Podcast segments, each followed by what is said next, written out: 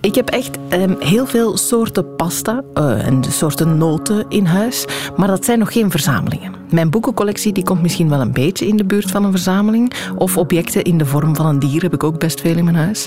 Sinds ik het boek Verzameld las van Inge Misgaard, ben ik me alleszins meer dan ooit bewust van mijn mogelijke verzameldrang. Inge heeft er zelf ook last van, want ze verzamelt zelf en maakte nu zelfs een verzameling van verzamelingen en verzamelaars in haar boek. En daarover heeft ze met mij, Annelies Moons, in deze voor voorproevers. Welkom. Voorproevers. Inge Misgaard, welkom. Hallo. Uh, je bent germaniste, kunsthistorica, archivaris en verzamelaar. Uh, daar mag ik van uitgaan. Hè? Dat is, uh, ja, dat klopt. Wat verzamel je? op dit moment zijn dat voornamelijk boeken. Uh, dat is toch wel de grootste collectie. En voor de rest heb ik eigenlijk een, een, uh, een groot aantal verzamelingen die niet meer worden aangevuld. Maar ze zijn er wel. Met wat bijvoorbeeld? Uh, ik heb een, een, restje postzegels. Dat is een schoendoos. waar, die ik van mijn oma heb gekregen. En die ik zelf ook als kind verder uitgebreid heb. Maar dat doe ik nu niet meer. Um, ik heb ook schelpen. Ik heb uh, dozen, een doos vol met van die toeristische lepeltjes. Mm -hmm. ja, voornamelijk boeken. Ik ben ook wel eh, dol op serviesgoed. Maar dat kan je niet blijven verzamelen. Dat neemt gewoon veel te veel plaats in. Dus ik beperkte mij dan tot melkkannetjes en suikerpotten. Ja, ja geen um, hele servies. Ja, in plaats van het hele servies. Ja, want uh, je, je vermeldt je oma al. Daar is het verzamelen ook begonnen, denk ik. Ja, eigenlijk wel. Heel lang geleden. Ze is ondertussen toch al bijna tien jaar overleden. Um, mijn oma is uh, eigenlijk de inspiratiebron geweest, omdat ik uh, als kind een hele goede band had met haar. En er stonden dozen in de kast op, uh, in een logeerkamer. Die kast uh, was voor mij een groot, had, had voor mij een grote aantrekkingskracht, omdat die vol stond met dozen. En die dozen, daar zaten schatten in. En daar mocht ik dan als kind in kijken. En dan haalde mijn oma alles uit. En daar had ze dan heel veel verhalen bij. die verhalen die waren eigenlijk achteraf bekeken nog belangrijker dan die objecten zelf. En van die objecten zelf mocht ik altijd wel iets meenemen. Waarschijnlijk waren dat gewoon dozen die blijven staan zijn na een verhuizing. Ik denk dat veel mensen zowel van die dozen op zolder of in kelders hebben staan uh, die nooit leeggemaakt zijn na een verhuizing, maar die misschien toch nog te goed zijn om weg te doen. Of misschien kan men daar geen afstand van nemen. Ik denk dat dat bij mijn oma ook zoiets was. Ja, en bij veel mensen. Het is voor mij ook herkenbaar het snuisteren in dozen, in huizen van mensen. Ja, dat, is, dat spreekt tot de verbeelding. En niet alleen uh, voor jou en mij, want in jouw boek komen ook verzamelaars aan bod. Uh, bijvoorbeeld ook Ramsi Nasser, die we mm -hmm. kennen als acteur, als schrijver. Uh, hij maakte ook een tv-programma sinds hij verzamelaar is. noemt hij zichzelf, of toch in zijn programma, Dr. Nasser. En dat programma heet dan ook Dr. Nassers Wonder en dat programma dat begint zo.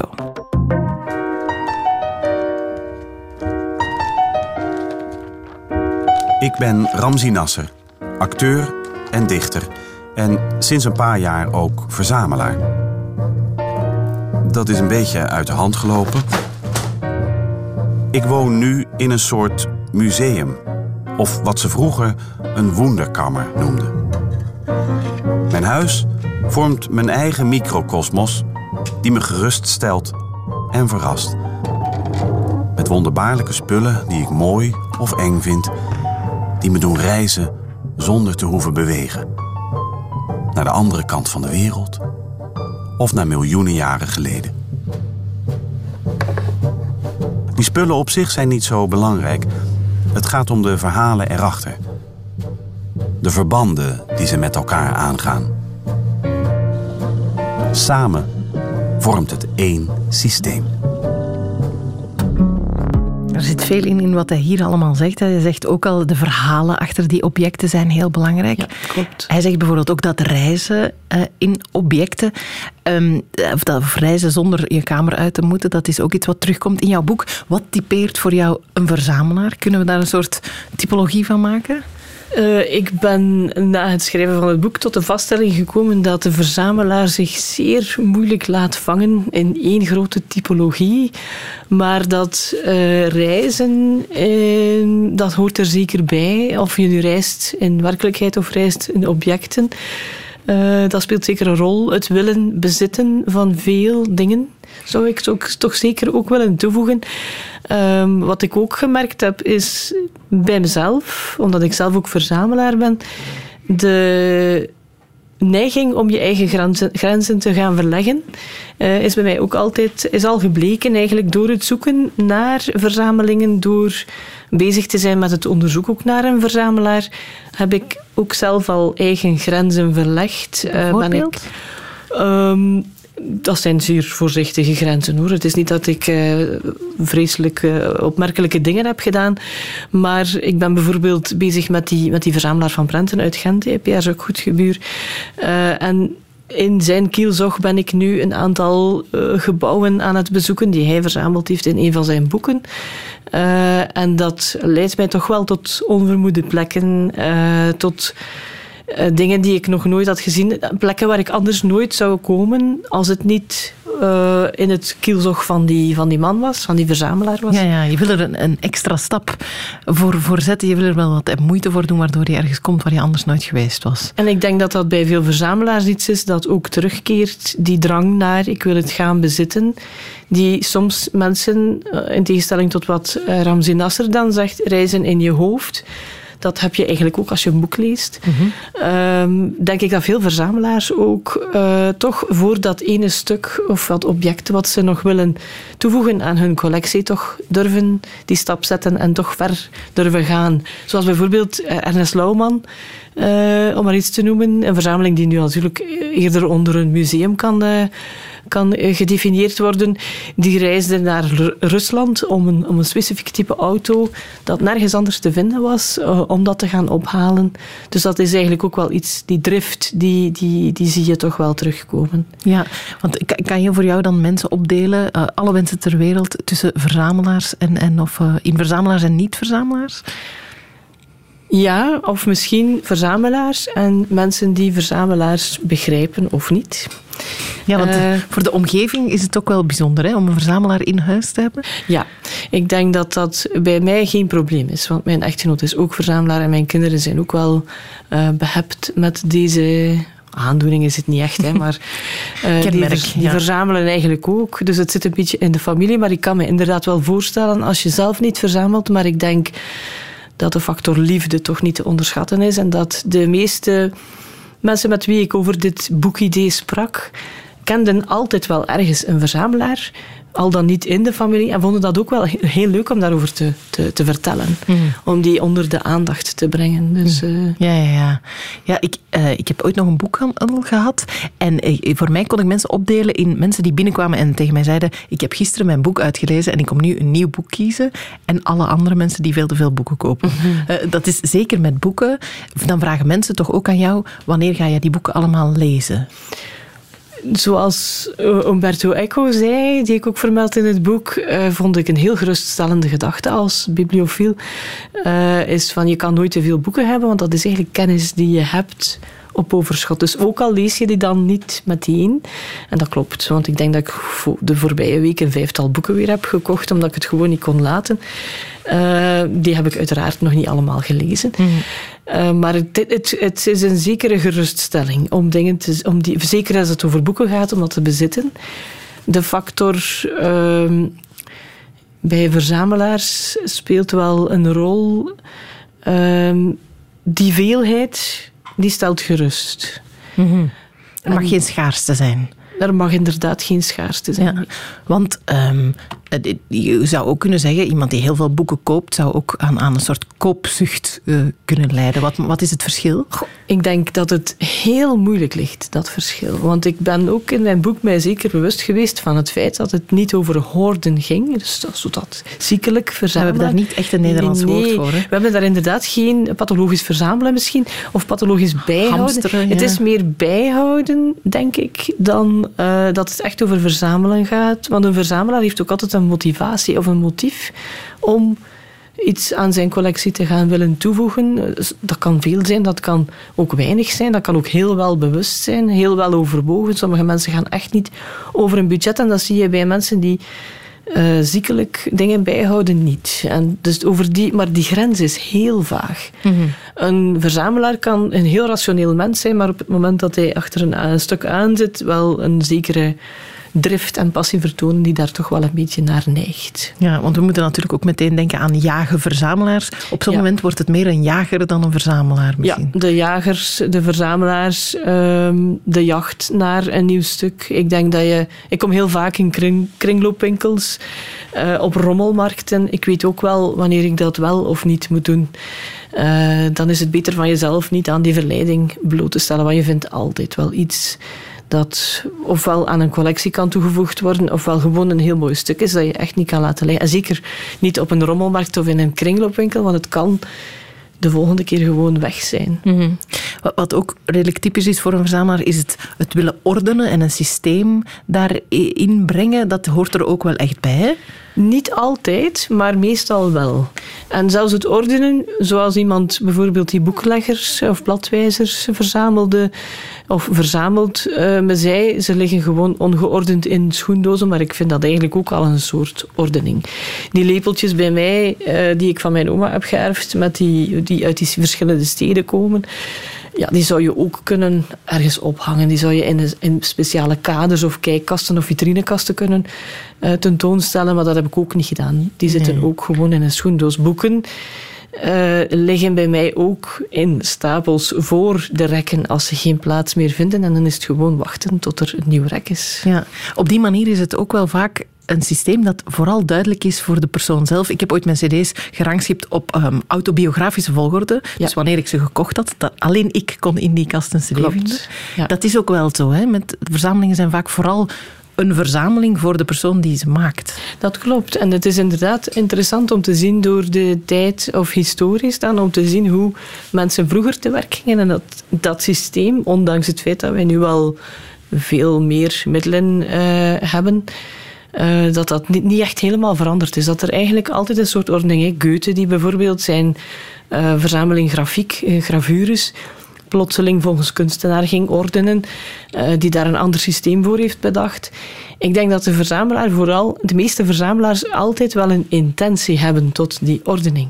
En dat geeft ook al een geruststellende idee van de intentie. Mijn echtgenoot heeft de intentie om zijn platenverzameling uh, te gaan ordenen. Hij zal dat niet handschrijven, dat zal vermoedelijk in een Excel-bestand staan, maar dat is nog niet gebeurd. Ja, ja maar de intentie is er. Maar de intentie is er, ja. ja, ja en bij mij ook, hè, boekencollectie. Wij hebben, mijn dochter en ik hebben de boekenrekken in de huiskamer alles op uh, alfabetische volgorde gezet.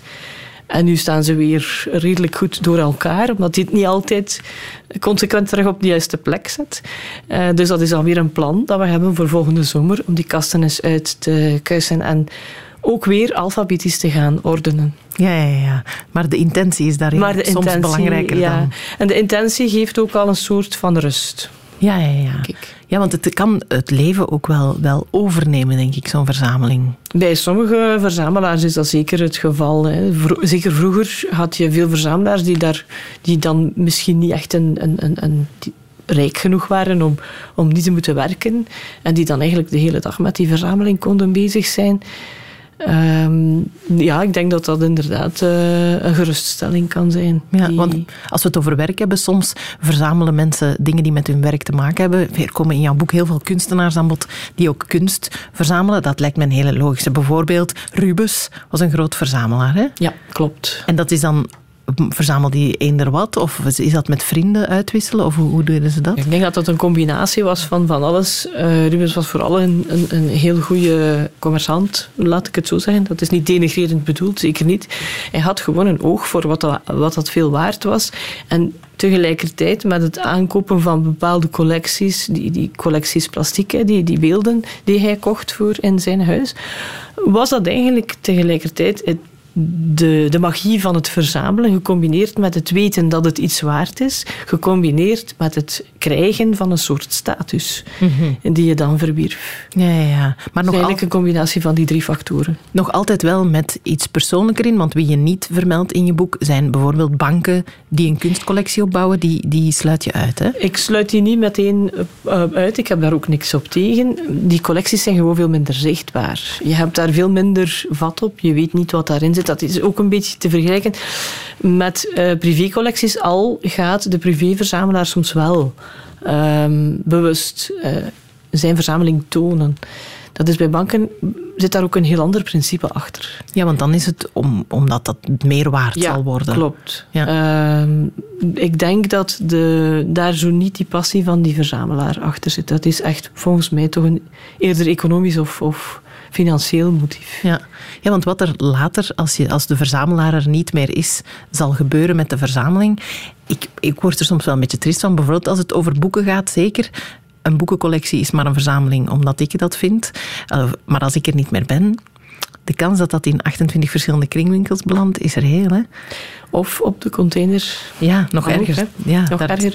Uh, ik denk dat het, dat was de meest uh, moeilijk, dat was eigenlijk de moeilijkste vraag die ik heb gesteld. Ik heb een, een enquête opgemaakt, maar ik heb die enquête heel bewust niet zeer breed verspreid. Ik heb die gewoon in mijn, in mijn eigen kring verspreid. En de meest, omdat dat ook een enquête is die je niet anoniem kunt houden. Hè. Je moet weten wie bij die verzameling hoort. En je moet die mensen ook een beetje kennen qua karakter of qua hoe ze zijn als mens.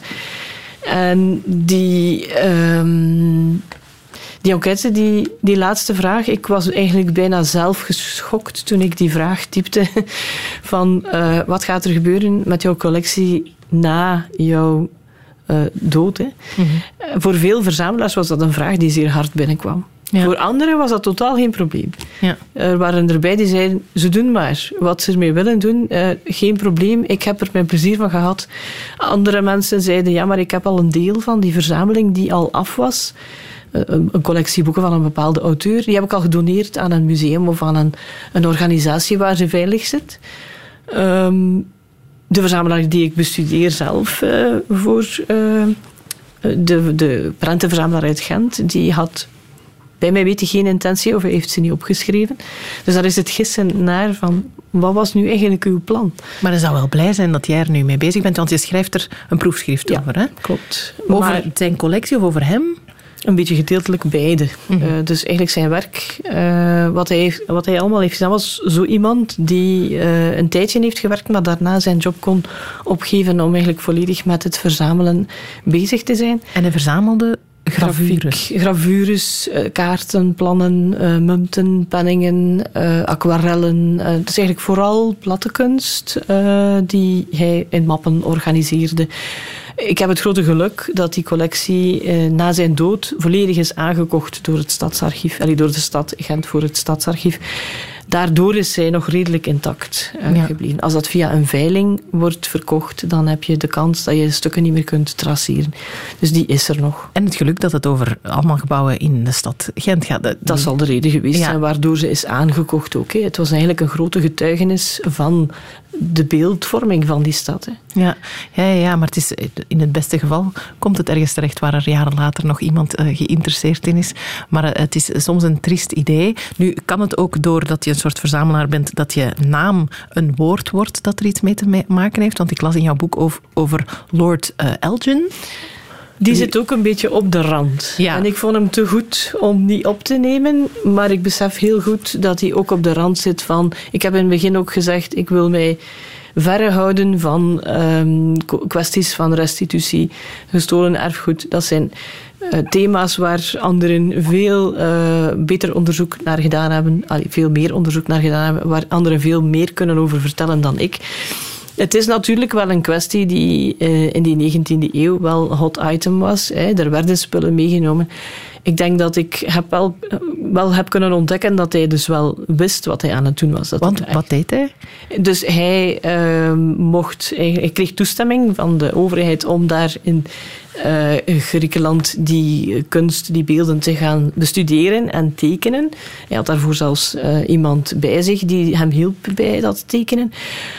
Maar in plaats van ze daar ter plekke te tekenen, heeft hij ze eigenlijk gewoon allemaal laten verschepen naar zijn landgoed in Engeland. En daar uitgestald tot hij bankroet ging. En eigenlijk ze op die manier in het British Museum zijn terechtgekomen. Ja, en daar zijn ze nog steeds. En daar zitten ze nog ja, steeds. En ja. dus is een Elginisme uh, ook een kunstroof. Uh, dat dat uh, leerde ik ook in jouw boek. Um, het gaat ook over die wonderkammers. Dat, dat woord viel ook al bij Ramsi Nasser. -hmm. de plek waar mensen tentoonstellen, want dat doen ze dan een beetje voor zichzelf ook, zijn ook heel belangrijk geweest. Hè? Heb jij dan ook, is jouw hele huis vol met boeken? Of is het één kamer? Het begon met een kamer en het eindigde met het hele huis. En nu zijn we zelfs aan het overwegen om het huis nog wat uit te breiden. Er kan altijd wel ergens nog een rek bijgezet worden. De bovenverdieping bijvoorbeeld, daar is nog heel veel ruimte. Maar inderdaad, ehm, de plek waar een verzamelaar zijn collectie uitstalt, kan eigenlijk beperkt zijn tot een kast. Als dat een kleine collectie is, maar soms neemt dat ook het hele huis in beslag. Of wordt er zelfs speciaal een huis voor gebouwd. Ja, ja, ja, het kan heel uitgebreid zijn. Er is er zo eentje dat we nog zeker moeten vermelden, want dat is een verzamelaar van verzamelingen uh, die in jouw boek aan, bod komt. Uh, eh, 216 verzamelingen heeft hij. Um, hoe, hoe, heb je hem leren kennen? Ik heb die eigenlijk gewoon bij de zoektocht uh, naar verzamelaars en hun motieven diverse keren teruggevonden. En daarom vond ik hem zo interessant, omdat hij inderdaad ook doet wat ik zelf met het boek wou doen. Hè. Niet echt focussen op de verzameling dan, maar in mijn geval op de verzamelaars zelf. Hoe kan ik die nu eigenlijk in hokjes steken? Dus ik vond het wel een interessante casus om op te nemen. Ja, hij heet uh, Geert Trent. Hij woont in Sellingen in Nederland tegen de Duitse grens. Um, en ik ga hem eerst even zelf aan het, aan het woord laten. We horen hem in een rubriek um, over, over hobby's. Welkom weer bij een nieuwe aflevering van Dit is mijn hobby. En vandaag zijn we in Sellingen bij Geert Drent. En hij verzamelt allemaal stukjes met allemaal uh, speelkaarten erop, uh, hartjes, klavertjes, noem maar op wat. Hij verzamelt. En nou, misschien zelfs, zelfs de vloer die is ermee uh, mee bedekt. Dat is toch geweldig. En Geert is hier achter ons. We lopen erin naartoe. Mooi, de grote, een van de grootste verzamelaars van uh, Nederland. Ja, de ene grootste verzamelaar van Nederland. Beetje bescheiden blijven, hè? Ja, precies. Hey, ja, je weet me nooit, hè? Wat, wat, wat, verzamelt u allemaal? Ik heb 216 verschillende verzamelingen. Die zijn natuurlijk niet allemaal even groot. Maar ik ben nu in mijn verzamelkelder, zo heet dat. En daar staan dus 85 vertinnenkasten. En eigenlijk alleen nog maar dingen waar speukwoorden op staan. Dus roeten, klover, harde schoppen. En daar kan van alles winnen. Daar kan asbakjes winnen, glozen, makken, bekers, beek, uh, grote borden. En hier ben we in mijn, uh, mijn afdeling waar allemaal beelden staan. Dus allemaal mensen die zijn aan het koorten. Of ze hebben koorten op het lichaam staan. Of, dit, hier staan 360 beeldjes. Allemaal met spookwoord. En zelfs aan het plafond hangt nog een, uh, een. Ja, slingers overal. Slingers. Alles is vol, Geweldig. Ik heb geen ruimte meer. Hij heeft geen ruimte meer en dat is dan maar één van de 216 verzamelingen. Hij verzamelt bijvoorbeeld ook zo de muntjes die je krijgt als je geen 2 euro hebt om in je winkelkaart te steken. Dat zit ook in zijn verzamelingen. Het zijn wel uh, veel, wat, wat dat zoal is, het zijn wel figuren, uh, mm -hmm. de verzamelaars. Hè? Ja, ze worden soms wel eens uh, al een beetje gekarikatureerd, of hoe, hoe zeg je dat? Als een karikatuur voorgesteld. Enerzijds denk ik dat, dat misschien twee reacties bij de niet-verzamelaar kan losweken. Een reactie van ergens een soort van jaloezie, want iedereen kan direct de passie zien waarmee dat zo iemand met zijn verzamelingen bezig is. En anderzijds uh, is er misschien ook de drang om het zelf te doen, maar misschien de mogelijkheden niet of de moeite er niet voor willen doen. Of misschien heb je een verzameling die je weggedaan hebt. Vorige week had ik uh, bij het studeren in Standaard Boekhandel een... Uh, een verzamelaarster aan mijn tafel die zei: Oef, ik ben eindelijk van al mijn verzamelingen vanaf. Hm. En ik dacht echt van: Oh jee. Ik voelde dat bijna als een soort van verlies: van oh nee, je hebt ze weggedaan. Waarom? Hm. Ja, ja, ja.